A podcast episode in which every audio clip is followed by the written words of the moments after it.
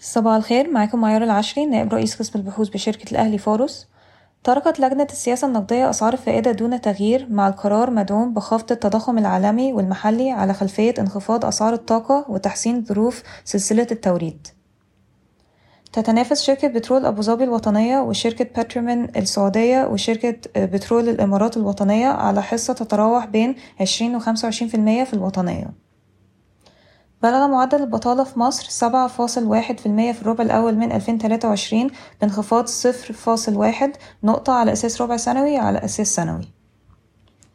استأنفت شركة الإيداع المركزي المصرية العمل على عملية الربط مع منصة يورو كلير لتسوية سندات الدين العالمية.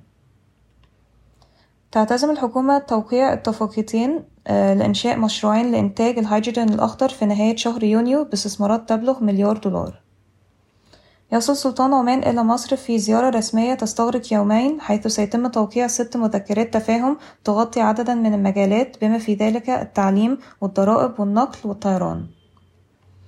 أدخلت الحكومة تعديلات على معايير المحاسبة المحلية التي تسمح للشركات بالمحاسبة بشكل منفصل عن الخسائر التي جاءت كنتيجة مباشرة للانخفاض الأخير في قيمة الجنيه. بدأت شركة طاقة أريبيا الإجراءات للطرح في البورصة المصرية وستدرج أسهم الشركة في البورصة قريبا. بينما لا تزال تدرس إذا كانت خطة الطرح ستتضمن زيادة رأس مال.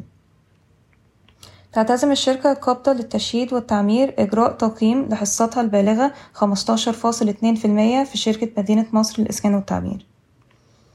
بحسب وسائل الإعلام المحلية فإن بالم هيلز تدرس الحصول على ديون بقيمة اتنين مليار جنيه.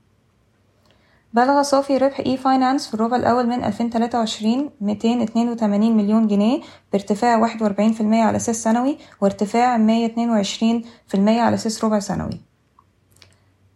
بلغ صافي خسارة مستقلة لشركة سبيد في ألفين اتنين وعشرين مية وأربعين مليون جنيه مقارنة بصافي ربح في ألفين واحد وعشرين البالغ مية تمانية وتلاتين مليون جنيه. جمعت مبادرة استيراد السيارات تسعمية مليون دولار وتم تحويل ما يقرب من تلتمية وسبعين مليون دولار منها إلى الحكومة.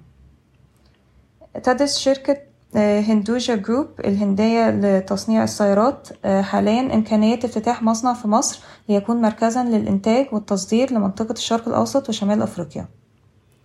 بدأت شركة طيران البحر الأحمر بتشغيل رحلات أسبوعية من الماطي وأستانا في كازاخستان إلى شرم الشيخ. شكرا ويوم سعيد.